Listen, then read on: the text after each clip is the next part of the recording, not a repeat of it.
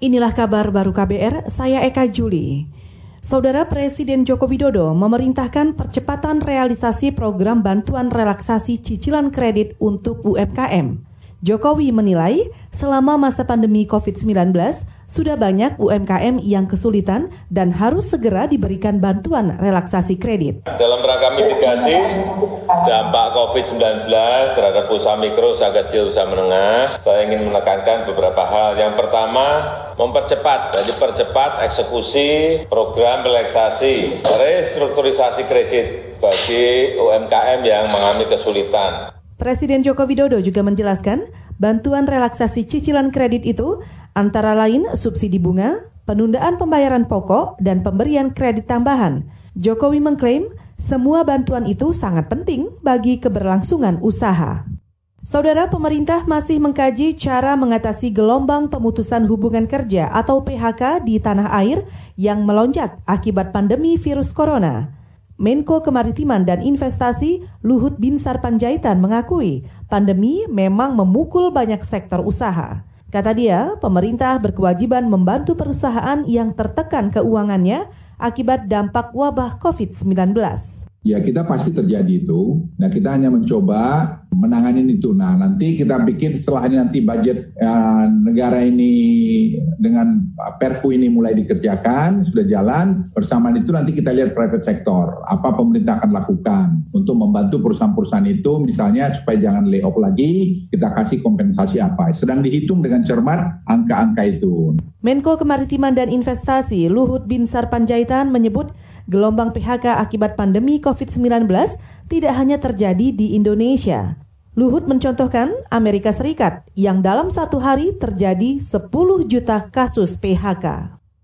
Saudara Komnas HAM mendesak pemerintah menekan jumlah pemutusan hubungan kerja atau PHK di tengah pandemi COVID-19.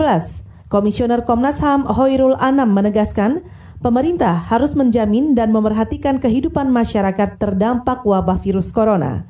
Ia menegaskan seluruh masyarakat dan buruh harus mendapatkan keamanan, keselamatan, dan jaminan sosial di tengah wabah harus ada jalan keluar. Nah, rekomendasi Komnas HAM, status PHK-nya dikurangin, gitu ya, nggak boleh ada PHK, tapi kita tidak menutup mata bahwa juga karena problem ini tidak hanya Indonesia, termasuk juga problem dunia, banyak perusahaan yang juga uh, potensial kolaps. Nah, itu yang juga harus mendapatkan insentif. Jadi ada insentif untuk perusahaan, ada insentif untuk buruh, sehingga kalau perusahaannya jalan, ya buruhnya tetap bisa bekerja.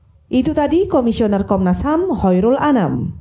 Data Kementerian Ketenagakerjaan mencatat ada sekitar 2,8 juta pekerja formal dan informal yang di PHK dan dirumahkan akibat pandemi corona. Data itu dikirim ke Project Management Office atau PMO Program Kartu Prakerja dan nantinya akan dikurasi. Diharapkan bisa mendapatkan kartu prakerja.